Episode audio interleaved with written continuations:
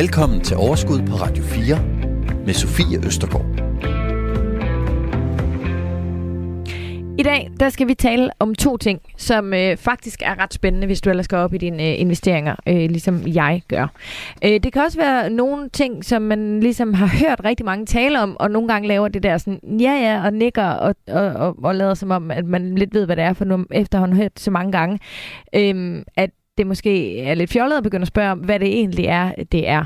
Men øh, det får vi styr på i dag, fordi i dag der skal vi nemlig tale øh, om emerging markets, og vi skal også tale om nordiske aktier. Og du har helt sikkert hørt om nordiske aktier. Du har garanteret også hørt om emerging markets. Men måske er du en af dem, ligesom jeg, der godt kan være lidt i tvivl om, hvad det er, vi præcis taler om nogle gange, når snakken den går både øh, hurtigt øh, og voldsomt for sig. Men i dag, der får vi styr på det.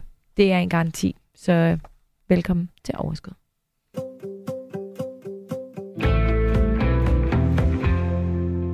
Frederik Engholm, velkommen til. Tak skal du have. Du er chefstrateg hos Nykredit. Ja. Hvordan har du det? Jeg har det godt. Det er jeg glad for at høre. Det er en lidt turbulent øh, tid sådan ja, generelt i øh, aktiemarkedet og økonomien generelt. Ja. Kan du følge med? Har du travlt? Ja, jeg har rigtig travlt, og vi har faktisk haft rigtig travlt længe. Ja. Synes jeg. Ja. Men, men det er også spændende og interessant, og nogle gange sjovt, og også tragisk jo, for man sidder også og følger med i Ukraine og den slags. Men, ja. men der sker meget, og det gør det interessant, og så er det på en eller anden måde øh, nemmere at have travlt, for der er en masse ting, der ligesom øh, foregår, som man skal holde øje med, og jeg bliver klogere på, og kan diskutere med andre, og der er folk, der er interesseret, og ja. det er spændende.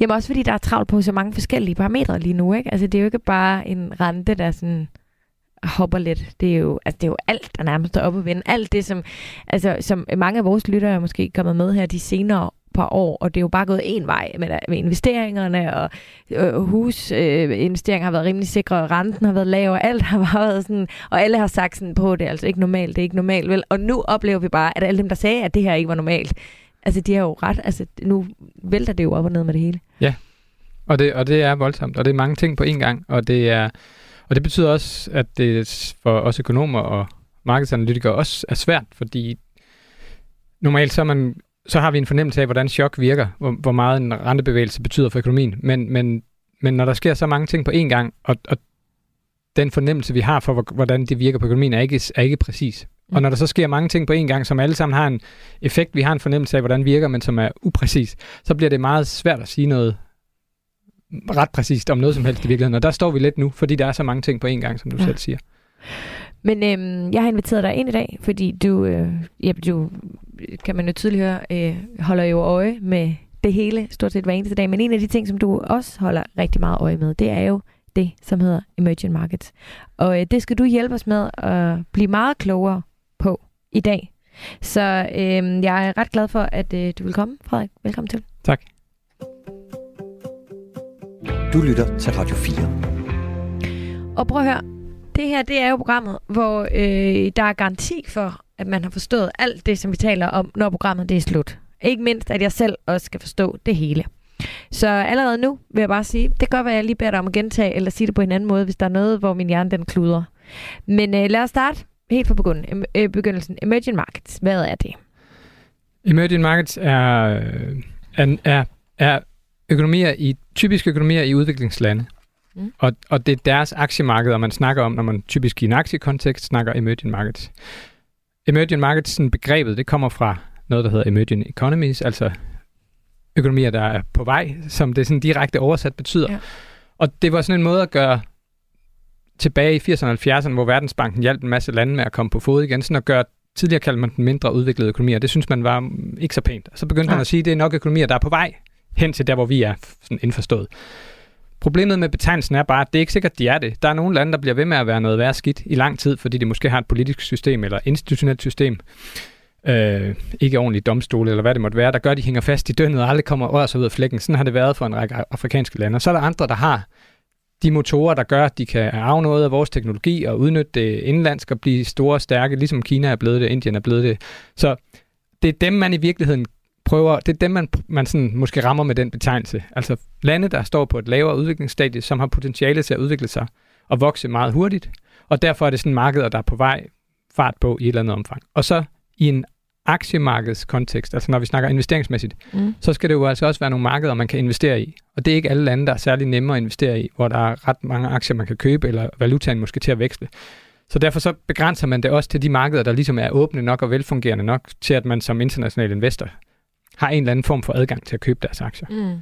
Og en eller anden form for altså, sikkerhed i, at altså, ikke, ikke at øh, øh, afkast og sådan noget, men i at altså, det er, er tilpas velfungerende til, at man kan investere Ja. i landet. Typisk. Og så Ja. har vi faktisk en kategori under emerging markets, der, der, der, der, der sådan, altså lande, der, der, der findes også folk, der investerer i lande, der, der er på et endnu lavere niveau. Okay. Men emerging markets er på den måde, som du siger, lidt den sådan mere velfungerende mellemgruppe, kan Ja. man sige. Ikke? Og ja. Ja. i virkeligheden tæller det også lande i dag, som en stor del af emerging markets øh, indekset er udgjort af Taiwan og Korea, som jo nærmest er sådan levestandardsmæssigt på niveau med, med, med mange vestlige lande og, og højteknologiske samfund osv. Så, videre. så, så der er også nogen, der bliver ved med at ligge i den gruppe, selvom de efterhånden har flyttet sig rigtig meget. Og, og altså, hvem, hvem definerer? Altså, hvem bestemmer? Hvem Ja. der ligger i den gruppe, og hvem der ikke helt er på vej til at være på vej, og hvem der så Ja. ja. er u- ud over at være på vej? Det, generelt så, så er der et selskab, der hedder MSCI. Det er et, en stor amerikansk bank, der hedder Morgan Stanley, som, som skabte øh, det her selskab. Øh, de, lavede en masse, de har lavet en masse indeks. Det er blandt andet dem, når, når, man, når man sammenligner, hvordan har Danmark gjort det, så kigger man tit på i forhold til resten af verden, og så Mm. det indeks, man kigger på, det er, det er MSCI World, altså verdensindekset. Ja.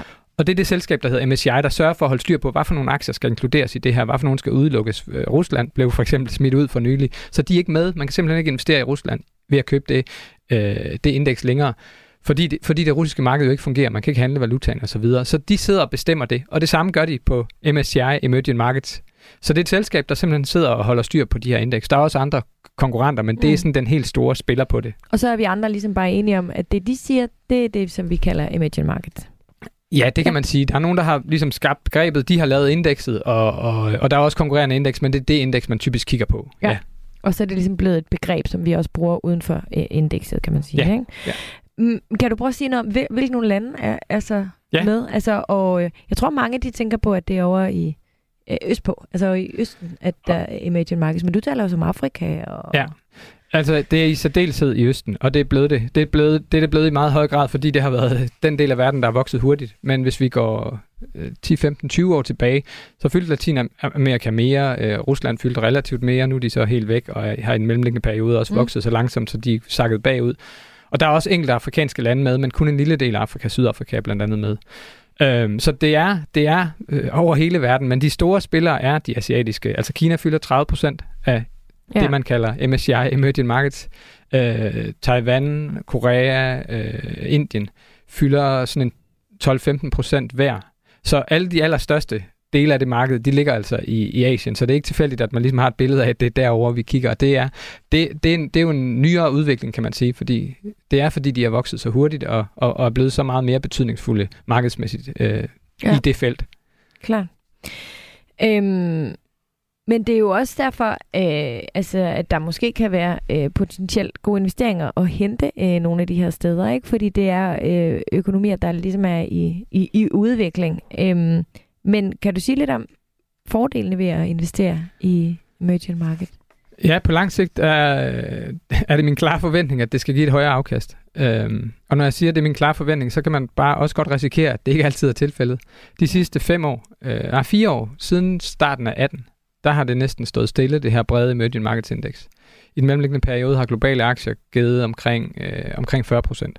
Så det er en kæmpe forskel. Og, øh, og specielt øh, 21 var der en, en meget stor forskel, som var båret meget af Kina, altså hvor det, gik, hvor det var et godt aktieår for, for, for os i Vesten, og et, og et skidt aktieår for emerging market som helhed, båret meget af, af, af nedtur i Kina, til dels Tyrkiet osv. Så, så, så der er ikke nogen garanti for, at man får et høj, højere afkast der, men på lang sigt, så kan man sige, det som du selv peger på, det her med, at det er økonomier, der oftest vokser i et hurtigere tempo, og dermed også de selskaber, der ligger, har nogle muligheder for at vokse i et, øh, i et hurtigere tempo, fordi de, det vil oftest være sådan. Altså selskaber, både danske, men også kinesiske, sælger jo typisk øh, i flere dele af verden. Mm. Så, så vi er jo ikke sådan nogle små markeder, der er lukket for hinanden, så derfor er der jo også en masse på kryds og tværs. Et dansk selskab kan sagtens blive rige på, at emerging markets eller Kina eller Indien har det godt, vokser hurtigt. Men det vil typisk være sådan, at mange, altså de europæiske selskaber som helhed, har det meste af deres omsætning i Europa. og sådan vil det også være for emerging markets. De har en større del af deres omsætning i, i den region, end for eksempel europæiske og amerikanske virksomheder ja. har. Så der er stadig sådan noget, noget, der gør, at vi godt kan tænke på det på den måde. Mm. Men, men, men, men det vidner også om, at det kan være, der kan være lange tørkeperioder, specielt den, de, de store udsving, der har været i kinesiske aktier over den her periode, har været medvirkende til, at, at det har været en, øh, en, en, en, en ringe periode for emerging markets sådan den, de sidste 4-5 år. Ja. Selvom det samlet set er forventningen, at det skal give et højere afkast. Og det skal det jo, fordi det er mere risikabelt. Der er nogle ting, der kan gå galt. Øh, de kommer ofte oftere ud i kriser, politisk uro, øh, mere vilkårlige hvad skal man sige, sådan politiske øh, beslutninger, der, og det er jo det, der er sket i Kina. Man har slået ned på nogle selskaber, øh, nogle brancher, og så har store dele af markedet, ligesom alle dem, der lå inden for de brancher, klarede sig rigtig, rigtig skidt. Jamen, kan du ikke prøve at tage lidt ord på det? Fordi der er jo også ret stor forskel. Altså sådan, øh, øh hvis jeg sidder her med mine øjne og tænker over hvad, nogle af de ting, du selv nævner nu, der sker i Kina, altså, det er vel også det, der gør, at risikoen også er noget højere. Helt fordi klart. der kan ske noget, altså lige præcis regeringen altså, kan gribe, gribe ind på en anden måde, end vi ser fra vores breddegrader. Ja, og, og det vil jeg sige, det er jo den store risiko. Kina, der er det den slags risici, der er. Det ja. er, at myndighederne har mulighed for at bruge den mulighed en gang imellem, når de synes, en sektor er blevet for stor, for magtfuldt, eller hvad det måtte være. Det galt for eksempel tech-sektoren. Så gik de ind blandt andet fordi, at Alibaba, som er et sådan stort uh, Google, nej, hvad hedder det, eBay-lignende ja. kinesisk gigant, mange kender dem nok, de sælger mm. varer over hele Kina. Øhm, der, der var en eller anden form for strid i hvert fald mellem, mellem øh, lederne af Alibaba, som er ret kendt, en fyr, der hedder Jack Ma, og, og det kinesiske styre, som har været medvirkende til, at det selskab simpelthen er blevet begrænset på forskellige vis, og derfor reagerer deres aktiekurs på det, eller aktiekursen på det. Så det viser sådan, det er sådan Kinas måde nogle gange at reagere på, hvor de ligesom blander sig meget mere direkte i markederne. Øh, det vil være ret utænkeligt på den måde i vores del af verden. Andre dele af emerging markets, der øh, kan man bare på Tyrkiet, hvor, hvor øh, en, en til tider øh, lidt skør præsident blander sig for meget i, hvad centralbanken gør. Det har fået valutaen til at kollapse fuldstændigt. Og når man nu køber en tyrkisk aktie, som, som i sidste ende øh, er, er, hvad hedder det, er noteret i, tyrkiske, i den tyrkiske lira, altså i tyrkisk valuta, mm. så hvis valutakursen kollapser, så er det jo en anden måde, man kan tabe penge på i den del af verden. Og deres valuta er også langt mere svingende end vores. Så der er forskellige kilder til den her usikkerhed, som, som, som jo er det, man på lang sigt skal blive belønnet for, når man så alligevel køber aktierne der, ja. og, og, og kan, kan købe ind i det vækstpotentiale der. Så det skal balanceres, de to forhold, og derfor så det er også en, en overvejelse i forhold til, hvor meget skal den slags aktier fylde i ens investeringer generelt. Du lytter til Radio 4. Hvordan har øh, sådan noget som øhm, altså corona spillet ind? Hele den her, altså fordi der har vi jo, altså med, med mit, øh, altså det jeg i hvert fald kan forstå, er, at vi egentlig, vores økonomi har klaret sig bedre, end hvad vi egentlig overhovedet kunne have håbet på. Øhm, men det, har det været anderledes i, i de her lande? Måske så deltid i Kina, som du siger, fylder 30 procent af... Ja, Altså Kina var jo en kæmpe succeshistorie i starten, og, og, og, og folk var i tvivl om, hvorvidt de løg om deres, deres, deres hvad hedder det, tilfældetal og dødstal og sådan noget, fordi de var så ja. lave, som de var. Det er jo en diskussion, man ikke rigtig er svær at få afklaret. Men, men uanset hvad, har de jo haft en hård tilgang, som i virkeligheden i, i langt hen ad vejen viste sig. Så ud til at være en succes. De kom meget hurtigere tilbage vækstmæssigt og, og, og, og holdt det nede så meget, så de faktisk ikke behøvede at lave de her ekstra nedlukninger, vi så lavede sidenhen, eller kun gjorde det meget lokalt. Men nu er det så vist sig, at når der er nye varianter, der rammer, så er det blevet en svær historie for Kina, og det har betydet, at, at de jo så bliver ved med at kæmpe med det her, og har lukket ja. hele Shanghai ned, og det har jo været en medvirkende faktor til, at økonomien nu har klaret sig langt dårligere end, end mange andre dele af verden. Så Kina der er lidt specielle, fordi de har håndteret det så hårdhændet. Andre dele af emerging markets, der har det simpelthen været svært for dem at håndtere det hele taget, fordi de ikke har hospitalsvæsen, der har kunnet det ordentligt og sådan noget. Så det har givet nogle større økonomiske slag der, det har måske været en medvirkende årsag til, at emerging markets i det hele taget har klaret sig lidt dårligere, end, end man, end, de, end man sådan skulle forvente over en længere periode, fordi coronakrisen jo har fyldt meget af den periode, jeg, jeg taler om. Ja. Inde på vores øh, Facebook-gruppe, Overskud Radio 4, hvor alle vores lyttere øh, er meget velkommen, øh, der øh, har vi også øh, ja, skrevet lidt om det her, og der er flere, der har kommet en kommentar. For eksempel så skriver Radik, øh, jeg har altid haft en lille sideinvestering i emerging markets, men synes, at det er blevet mere usikkert med tiden. I forhold til corona, så har flere af de asiatiske lande reageret meget voldsomt på udbrud, og den usikkerhed tror jeg påvirker aktiemarkedet, eller i hvert fald tilliden til, at virksomhederne kan agere i disse lande på en smidig og stabil måde. Øh, det er lidt det samme her. Er, er hans måde at gribe det her an på med at have en lille, som han kalder det, sideinvestering i emerging markets. Er det, er det anbefalesværdigt? Altså, at det er ligesom bare en lille del af ens portefølje, fordi risikoen, den ligesom er så høj. Helt klart. Øh, det, vil, det, vil, det, vil være, det synes jeg vil være den mest fornuftige tilgang. Og her, en, have en meget stor del af porteføljen i det, hvis det er bredt for, for, fordelt, betyder det knap så meget, men, men uanset hvad er risikoen større, man, man, har, man, man risikerer mere, at der er sådan en enkelt historie, der kommer til at dominere, end man gør i altså et enkelt land, der kommer ja. i en stor krise, og så bliver der skabt frygt for noget tilsvarende andre steder. Det er også det. Man kigger også nogle gange på emerging markets og tænker, det er jo vidt forskellige lande.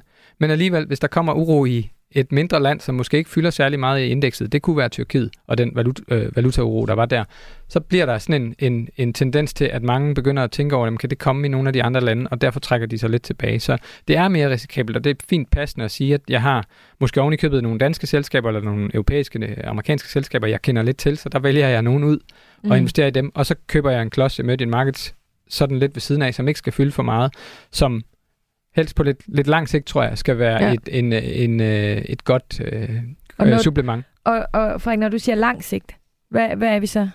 Taler du Jamen, 5, 10, 20? Altså, det, det er typisk, at der går rigtig år. mange år, hvor de, hvor de underperformer, men, men jeg vil sige, at nej, generelt skal man helst have nogle, nogle års horisont, og, og, øh, og, og, og, og, og vi, jeg tror, vi alle sammen kommer til, for det er sådan, mennesker er, og, og kigge lidt kortsigtet og evaluere tingene meget kortsigtet. Og nu har vi haft jo to virkelig, virkelig gode aktieår, mm. og nu er aktier så faldet. Da det var værst, var de faldet 17 procent, tror jeg, globale aktier, og nu er de så faldet ja, faktisk under 10 procent i danske kroner, og folk glemmer lidt, hvor meget vi fik lige inden, ja. ikke? Fordi nu, det, nu står vi i et værre stormvejr, det gør vi også, men, men, men knap så slemt med tanke på, hvor hurtigt det gik i de år op til, hvor vi jo faktisk på to år fik 40 procent, som er rigtig, rigtig meget, og, mm.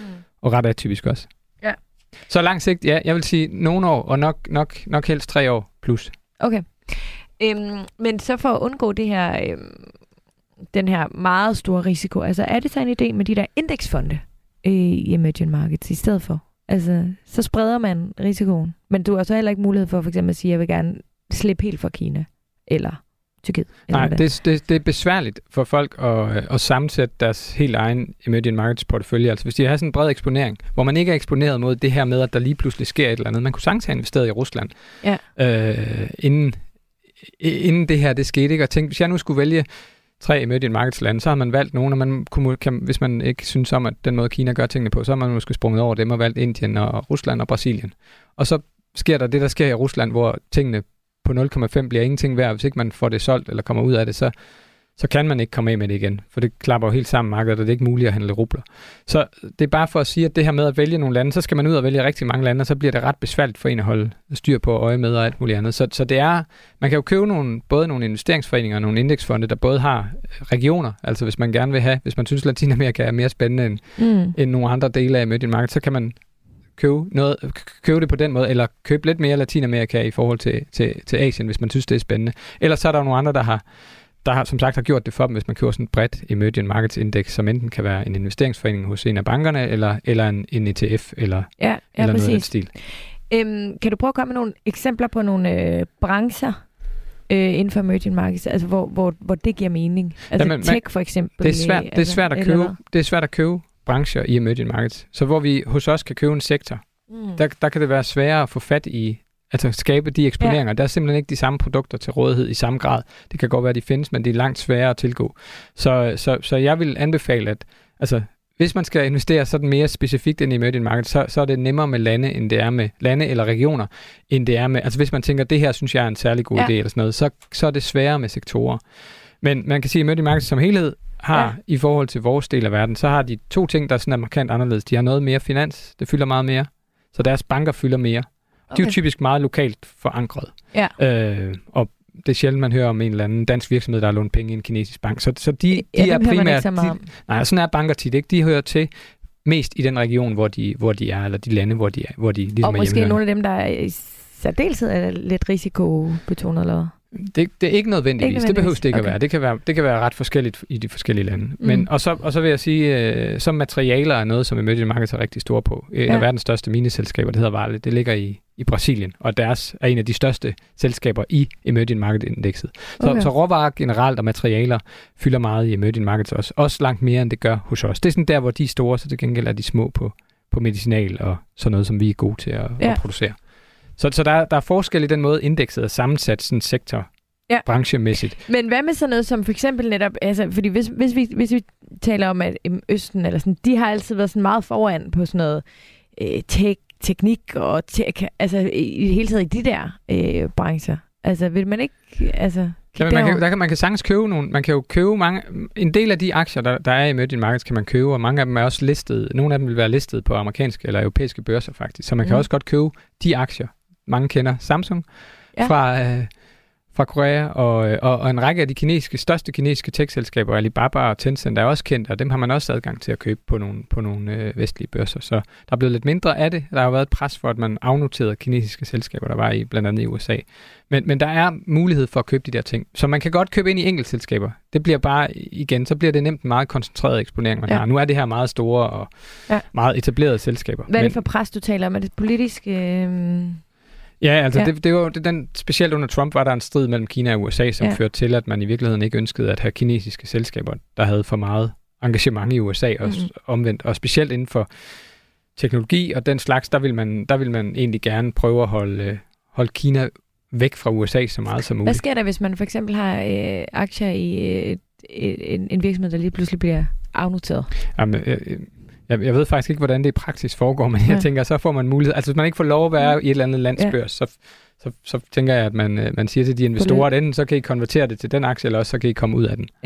Så det er i hvert fald ikke noget, man skal gå og være bekymret for. Nej, det skal man gør nok få. Man skal, jeg tror ikke, man skal regne med, at man lige pludselig eller ender med at sidde og, og brænde nallerne, fordi nu skete der lige pludselig et eller andet. Ah, det er ikke ja. sådan, at det bliver, det er ikke sådan, ligesom, ligesom det var tilfældet i Rusland, kan man sige. Det Ja, er sådan en anden situation, ikke, hvor man kan risikere, at man ikke kan handle tingene længere. Det er lidt noget andet. Det er, noget det er andet. fordi, der kom en krig, og det gik meget hurtigt, og Ja. ingen ville røre ved ting og sager. Du skal lige høre fra Martin Brun inden for vores Facebook-gruppe. Han skriver, jeg synes, at snak om geografi inden for aktier hurtigt bliver lidt meningsløst, hvis man i den snak blander store globalt orienterede selskaber sammen med mere hjemmemarkedsorienterede aktier.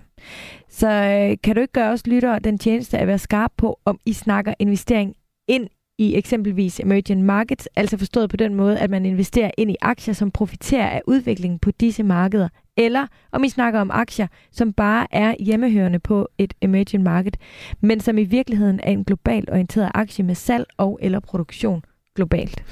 Og det er et rigtig fint spørgsmål. Ja. Og jeg vil sige, at det er det er helt enkelt svar. Det er, det er altid, hvor man er hjemmehørende.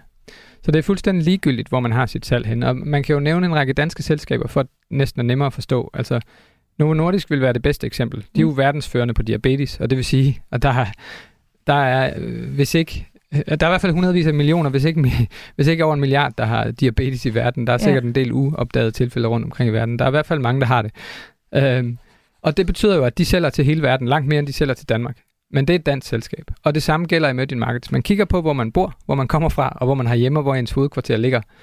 Og så, og så er det det, der bestemmer det. Men det er helt rigtigt. Samsung har jo ikke deres salg i Korea. De har Nej. jo deres salg over hele verden. Så på den måde er det en anden type af selskab, som akkurat lige så godt kunne være, og nogle gange sker det jo også, at der er selskaber, der vælger at flytte et andet sted hen, men akkurat Mm. lige så godt kunne være et vestligt baseret selskab, øh, ligesom Siemens er det. De producerer øh, i hvert fald en række af de samme ting med vaskemaskiner, elektronik og alt muligt andre ting. Ikke?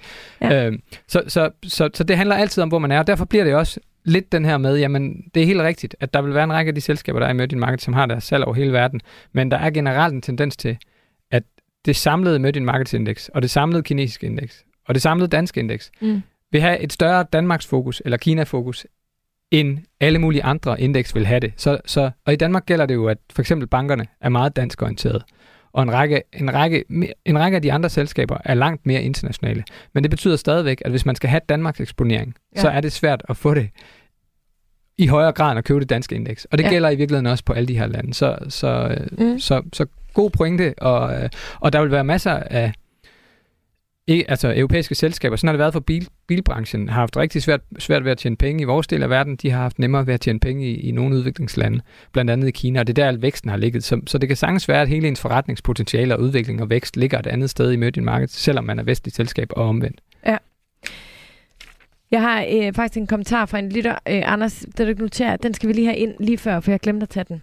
Øhm, nu skal du høre fra Majbrit Rønholm Skibsted. Hun har faktisk oplevet lige præcis det der med en, øh, en aktie, der blev afnoteret.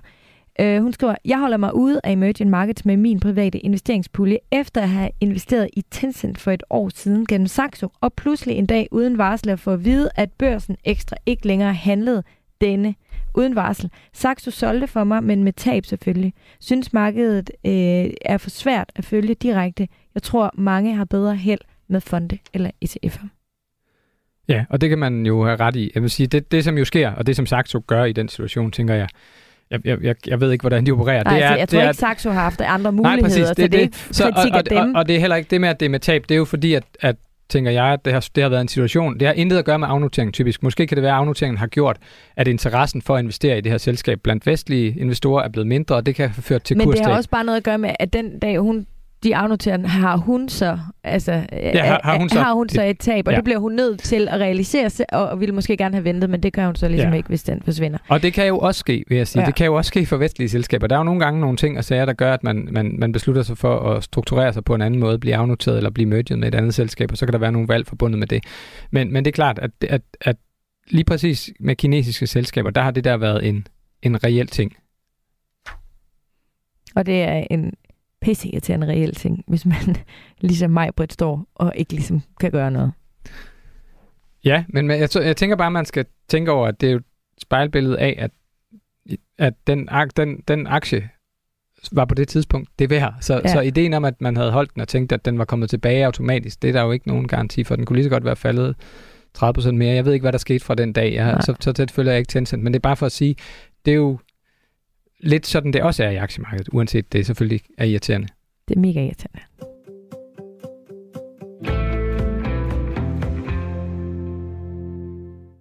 Frederik, du talte jo om, at øhm, siden 18 har det ikke set så godt ud, øh, sådan overall for emerging markets. Øhm, øh, er det lidt ligesom mange andre steder, hvor der er lidt øh, tilbud, hvis vi skal sige det på en pæn måde, og man kan købe op nu. Altså, er det, vil det være, er det noget I fra, er det noget I øh, fra nykredit øh, anbefaler? Det, det vi gør, det er, at vi har vi kigger på emerging markets som sådan en overordnet region. Vi har USA, og vi har Japan, og vi har Europa. Og det vi har lige nu, det er, at vi har emerging markets på neutralt. Det betyder, at vi har ikke vi har hverken et positivt eller negativt syn på dem. Vi har USA på undervægt, og Europa på overvægt. Så, så, så, så, så det vil sige sig selv anbefaler Og når du siger undervægt og overvægt, så betyder det smut ud af Europa, og vi, eller vi skal have færre mindre, Europa, ja. mindre af Europa og mere Ja, det er så USA. omvendt, men, ja, men mindre USA og lidt mere Europa har ja. vi nu i vores ja. anbefalinger. Ikke? Godt.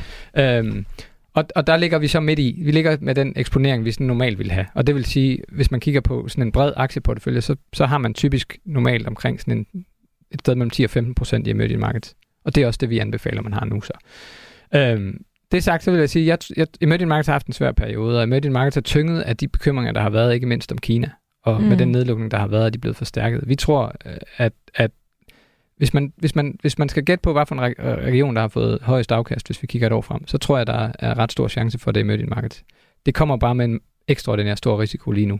Og derfor så har vi ikke, så synes, den, den risiko synes vi går nogenlunde hånd i hånd med det ekstra afkastpotentiale, og det giver ikke anledning til, at vi ligesom peger på, det er særlig attraktivt lige nu.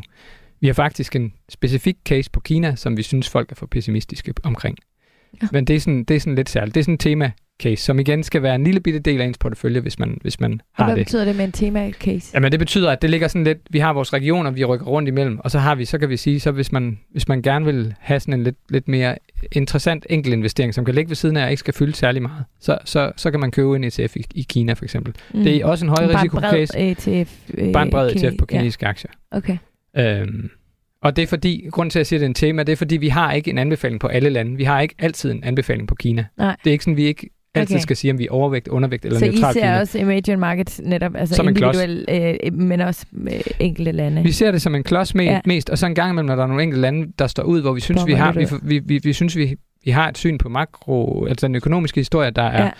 der er, der er bedre end den, vi synes, markedet lader til at have. Altså, vi, ja. vi har et mere positivt syn på den økonomiske historie, end markedet har og vi synes, at markedet har, øh, at aktiemarkedet har reageret ret negativt i en periode, så, så, så kan det være, at vi vælger et land ud og siger, at det synes vi egentlig ser særlig interessant ud i en kort periode. Mm. Spændende. Jamen, øhm, og i sidste ende er det jo altid os selv, der skal tage vare på vores egen portefølje, og så skal vi finde ud af, om vi også er en lille smule Kina-optimister, ligesom jeg er hos Nykredit, eller om vi ikke er. Men i hvert fald Frederik Engholm, chefstrateg hos Nykredit. Tusind tak, fordi du kom og gjorde mig og alle andre klogere på det her emne. Tiden går hurtigt. Det er allerede gået. Tak for besøget. Selv tak. Du lytter til Radio 4. Og nu har vi faktisk øh, lavet en øh, udskiftning her i øh, studiet, fordi Frederik øh, Engholm, han smutter ud af døren. Men til gengæld, så er Markus Belander kommet ind. Velkommen til, Markus. Mange tak. Du er fra Stockpix, medstifter. Ja, det passer. Vi er to derfra, øh, hvor I sidder og investerer jeres egne penge i udelukkende nordiske aktier. Ja. Og så skriver I om det, så vi andre vi kan følge med øh, og se, hvad vi synes, I gør godt, og undgå det, vi synes ikke er dårligt. Lige præcis. og det er, jo, det er jo meget fint. Hvor længe har I, været, hvor længe har I haft uh, Stockpix? Jamen, vi har væ- været i gang siden december 21, så seks måneder cirka.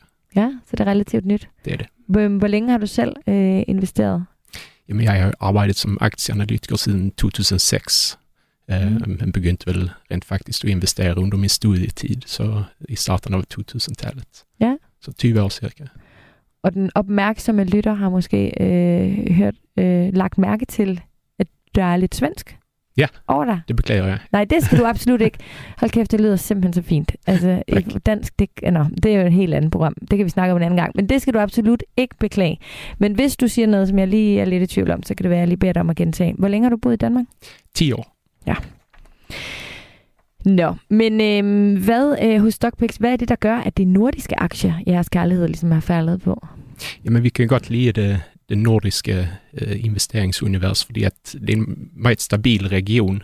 Altså øh, øh, love og reguleringer, øh, systemer som fungerer meget godt, institutioner som er velstrukturerede og fungerer godt, øh, lav korruption. Øh, det er bare et godt sted at være som, som investor. Ja.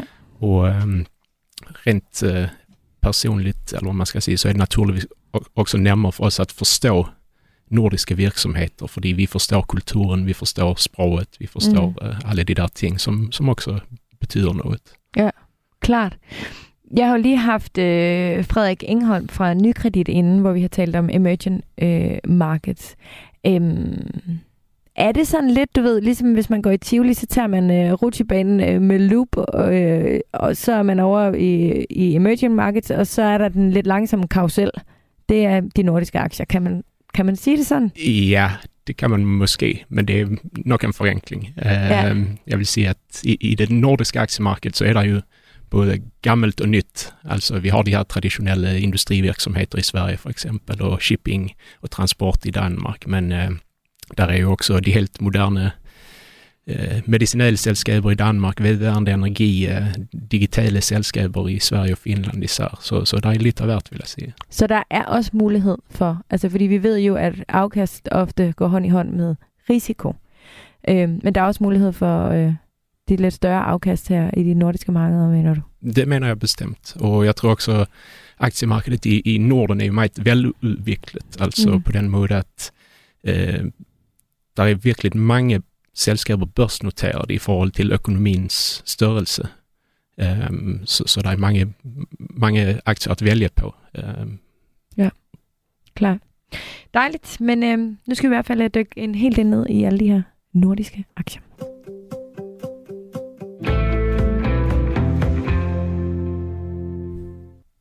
Jeg ved også, at I hos øh, Stockpix øh, er øh, ret fokuseret på de små og mellemstore øh, virksomheder. Er det ikke rigtigt? jo, Det er måske netop også dem, hvor der, er- der er lidt mere, lidt mere risiko. ret mere, lidt mere risiko, men Ja. også lidt mere gang i det måske. Ja, der sker, det, der, de er lidt mere volatil, kan man sige. Ikke? Hvorfor er det netop dem, I øh, har fokus på? Jamen, det er primært fordi at vi, øh, vi mener at de, de helt store virksomheder, der er så mange analytikere og journalister og så videre, som allerede følger dem. Hmm. Så det er svært at finde nogen information om dem, som, som, ikke, som, som andre ikke har. Ja. Um, men derimod, hvis man kigger på de lidt mindre virksomheder, især small cap, um, så er der jo der er forholdsvis mange selskaber eller aktier i Norden, som, hvor der ikke er en eneste analytiker som dækker, og som Ja. der aldrig bliver skrevet om i, i aviserne. Så vi tror at muligheterne for at faktisk skabe et, et bedre afkast uh, er større Ja. uh, i, i det segment. Og vil du ikke, hvis der sidder nye lyttere derude, vil du så ikke lige forklare, hvad small cap er? Jamen small cap, øh, det, der er ikke en, en entydig definition af small cap, men typisk siger man, at det er måske verksamheter eller aktier som har ett, eh, en börsvärde på under 20 miljarder kronor. Som jo lyder af rigtig, rigtig meget, men der er også en del, der har mere. Det är det. ja.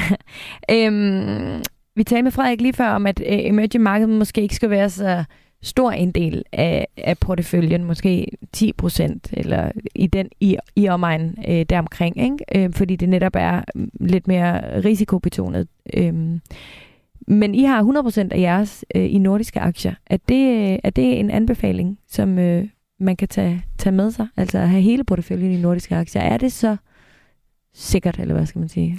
Og stadig også øh, risiko, at, at den også, en ting er, om den skal være højt eller men den skal også være spredt.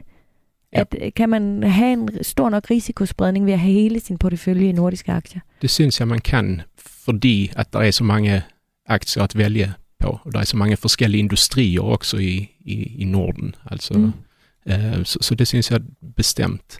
Och så vill jag nog mena också att eh, ja, men, risken vid att investera i Norden generellt är bara lägre, för vi har historiskt sett eh, haft lägre inflation, vi har haft eh, lägre, färre krig, vi har haft eh, ja, bättre stabilitet simpelthen i Ja. samfunden.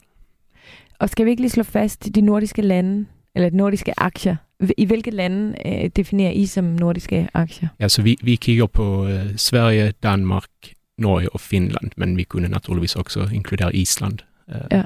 Det är bara att det är inte så många verksamheter på börsnoterade verksamheter på Island. Okay. Øhm, hvad kigger I så efter? Hvordan definerer I, om en aktie den er, om, om det er en, man skal købe op i, eller man skal lade den ligge, eller måske endda sælge ud af?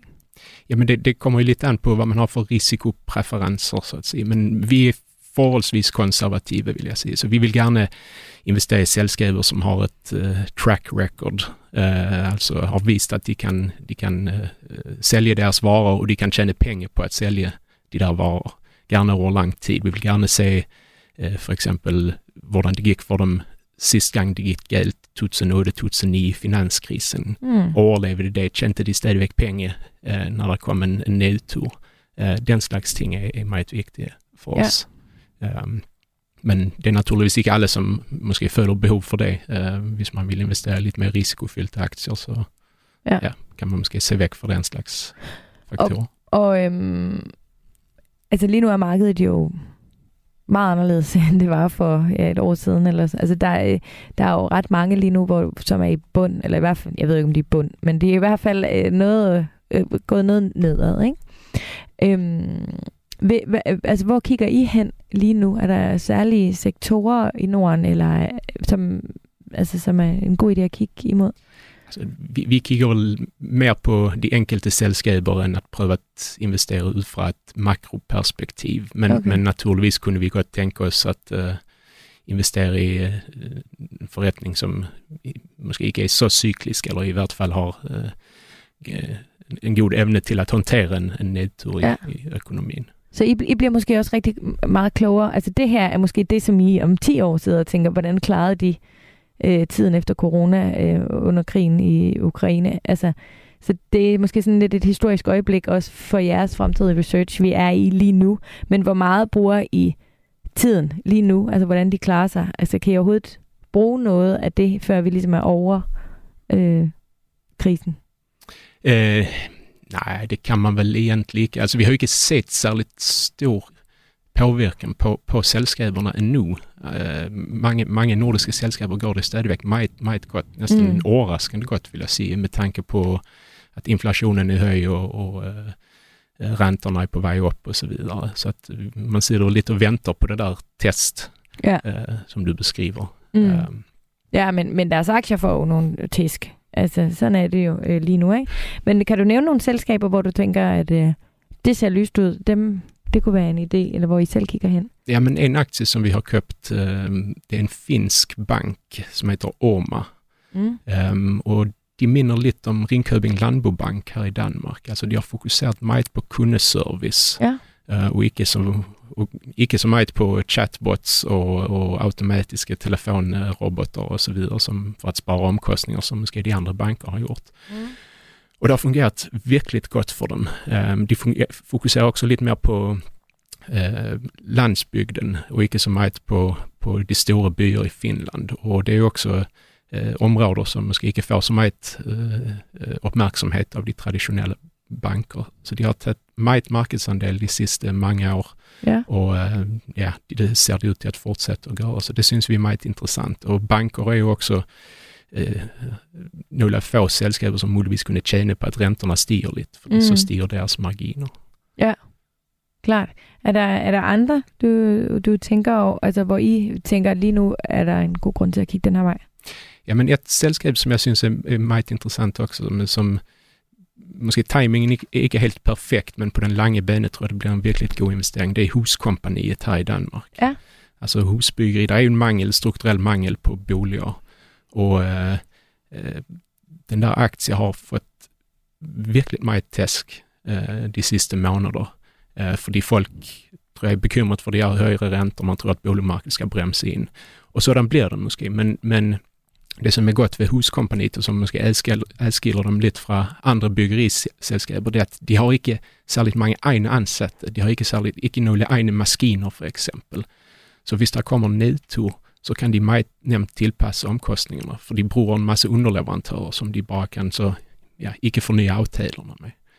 Um, og jeg tror at folk er måske lidt, lidt for bange for hvad der vil ske med Huskompaniet, hvis der kommer en, en nedtur. Og det afspejler sig også i aktiekursen lige nu.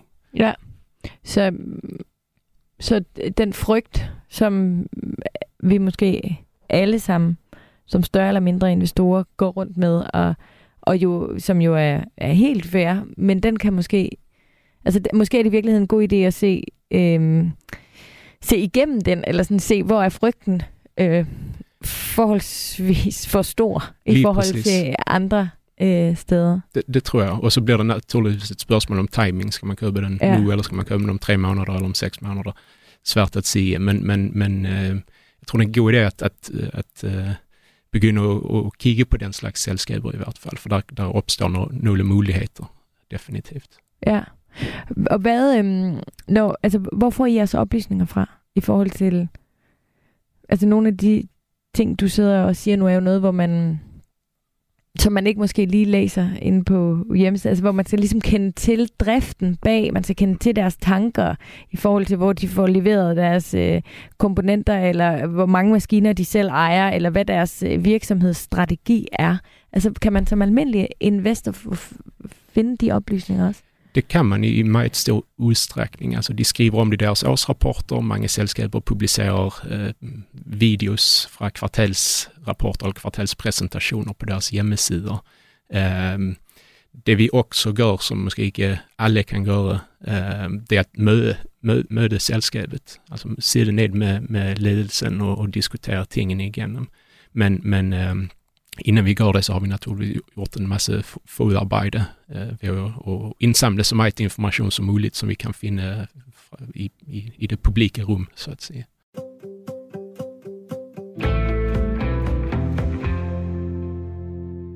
Hvordan vurderer I i forhold til altså, den her den grønne sektor, som der måske har været snak om, at det har været...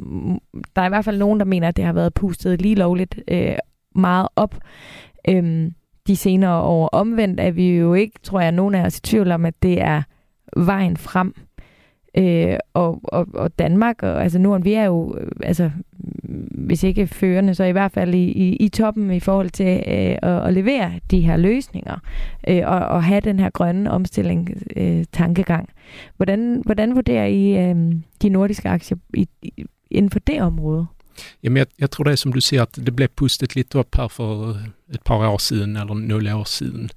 Og nu har mange af de der aktier kommet lidt ned, men, men eh, altså, den underliggende virksomheten er jo sund, og det er jo fremtiden, som du siger. Så jeg tror, det, jeg tror måske, at man kan sammenligne det lidt med IT-boblen der 2000-2001, at der Mm. var mange, mange selskaber, som blev meget hypet. Ja. Eh, men IT var fremtiden. Det, den, den analys var, var god nok, og det tror jeg også analysen på, på de, de her uh, vedværende energiselskaberne er, at det er fremtiden, men, men de skal lige finde, aktierne skal i hvert fald lige finde uh, det rette niveau.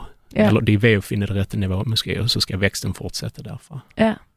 Hvad, hvad findes der af, af nordiske øh, steder, man kan kigge hen i forhold til i den grønne omstilling. Ja, vi, kender, vi kender jo i Danmark. Jeg har også haft et øh, Tomra, som er det norske pant øh, selskab. Ja. Øhm, er der andre sådan fra Norge og Finland og Sverige og sådan noget, hvor, hvor du tænker, det, der, der skal man der skal vi måske holde øjnene lidt mere åbne, fordi jeg tror, jeg ved ikke, for mig, mit vedkommende har jeg måske en tendens til at, at, at tænke, altså måske ikke nå til de nordiske aktier, fordi jeg tænker sådan lidt, hvis jeg skal have noget hjemmevand, jeg skal have noget solidt, noget jeg kender, så tager jeg Danmark, og så fylder jeg ovenpå måske med, med lidt amerikanske, en lille smule emerging markets og, og nogle fonde og noget, og så når jeg egentlig aldrig sådan rigtig egentlig at kigge rigtigt mod Norden.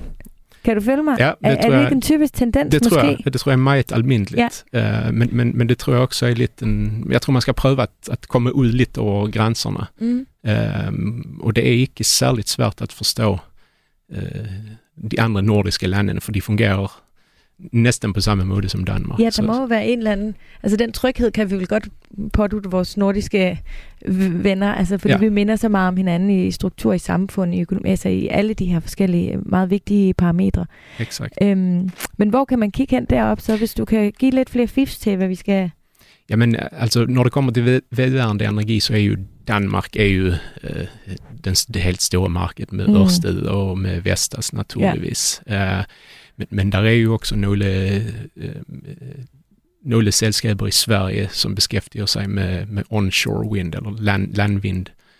Um, de er ret meget mindre end både Ørsted og Vestas, men, men, men der kunne man muligvis kigge. Man kan også kigge i Finland, måske på Fortum for eksempel, som har meget vandkraft, um, som jo også er meget grønt, så at sige, mm. selv om det ikke er så nyt. Ja. Um, Hvor er vi ellers i Norden gode? Jamen, vi er jo, altså de forskellige nordiske lande er jo gode på lidt forskellige ting. Altså i Danmark, man har, som- jeg nævnte tidligere, meget medicinal industri, man har shipping, transport, man har vedvarende energi, det er måske de, de helt store sektorer. I Norge, der har man jo også meget energi, men det er, så er det måske mere oljerelaterat. Man har øh, fødevareproduktion i form af fiskeopdræt. Um, Sverige og Finland er måske lidt mere ens, men der er det jo, der er det jo meget øh, klassiske industriselskaber. Uh, men vi også at se ret mange online virksomheder, altså om det er online handel eller om det er um, uh, gaming-selskaber, altså computerspilselskaber og, og den her lidt mere, øh, det lidt mere digitale økonomi. Mm. Um, Ja. Det er meget spændende. Jeg stødte, øh, jeg kan simpelthen ikke huske, hvad den hedder, men jeg stødte på et tidspunkt på... Øhm, Øhm, jeg, jeg, jeg kiggede lidt på det her med lakseopdræt.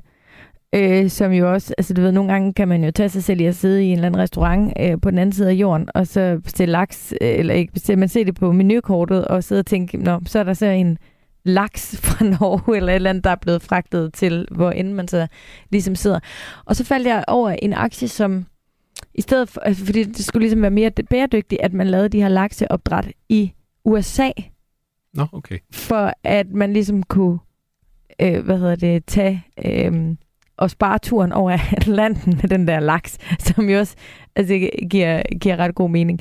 Øh, men det er jo også på en, en anden måde ligesom at øh, få de nordiske øh, værdier, eller hvad skal man sige, ud, ud i verden. Øh, altså er det ikke også noget af det, som de her aktier, altså, eller i hvert fald mulighederne for Norden, altså at vi har jo, uanset hvor end vi kommer hen, jamen, så kender folk jo... Øh, de kender Michael Laudrup, og de kender Vestas, så de ja. Kender, altså vi har de her eksportsucceser, og øh, der er jo nok ikke nogen Michael Laudrup-aktie, men det er vel noget af det, altså at de nordiske aktier også kan det, at der er en eller anden kvalitetsstempel. Altså de sidste senere år har det også været indretning. Ja. Øh, og vi hører lavkagehuset, der hedder, hvad er det, det hedder i udlandet, jeg kan ikke huske, men to øh, øh, navne, altså sådan, hvor, hvor det virkelig er den der nordiske sjæl, altså det er bare en blåstempling ude i verden. Ja, ja. Det, altså, hvor, hvor, meget, altså, hvor meget påvirker sådan noget, øh, de nordiske aktier? Eh, jeg ved ikke, hvor, hvor meget det påvirker. Det påvirker naturligvis selskabernes muligheder at, at uh, eksportere deres varer. Det, det tror jeg absolut de, de, de har gavn af. Ja. Um, det, det, det tror jeg bestemt. Og det er måske også en, en, en, det du nævner her, det er måske også en forskel mot i hvert fall nogle uh, emerging markets. Mm. At mange nordiske virksomheder, uh, de er ikke så afhængige af de lokale markeder. Altså de har hele verden øh, som, som, som markedsplads. Hvis, du, hvis man investerer i Kina, så mange af de kinesiske selskaber er måske meget fokuseret på det kinesiske marked. Mm.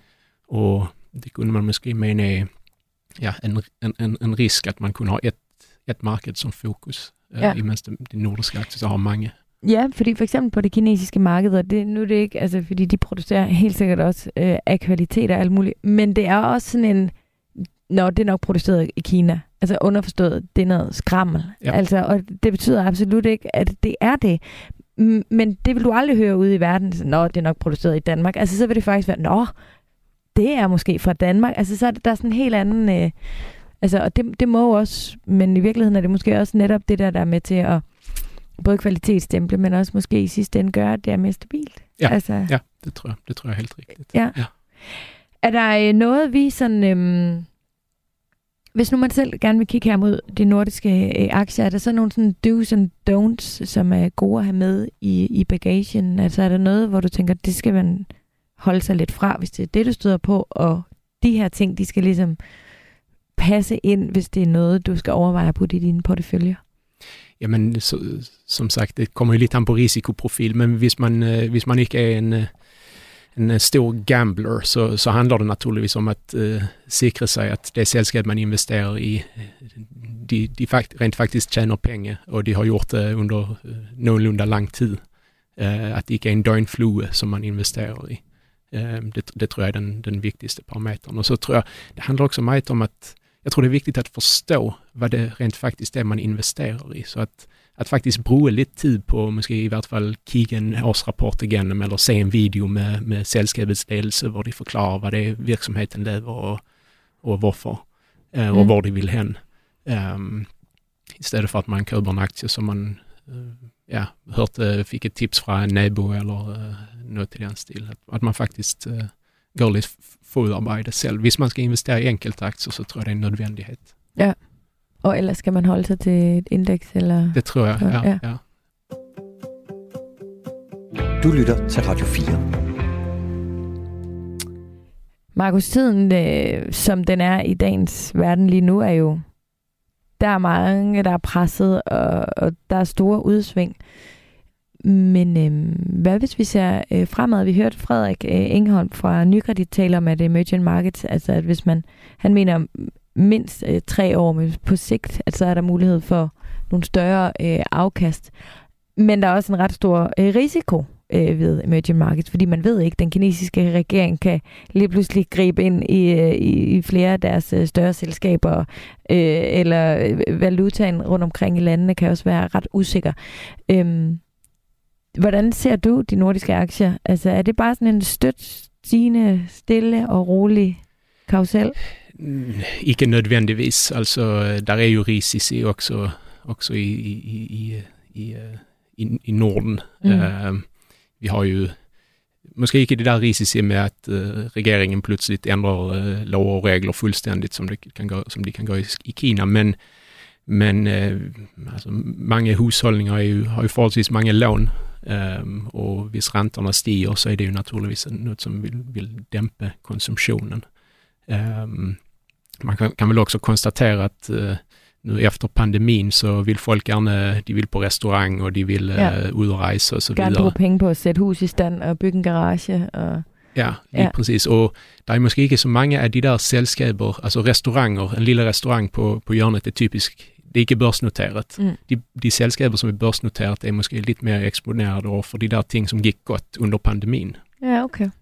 Um, så, så det kunne jo også være en risiko, selv hvis økonomien ikke bliver, bliver får det dårligere, så, så bare det at folks uh, konsumtion flytter fra, fra et sted til et andet, kunne påvirke børsen negativt muligvis.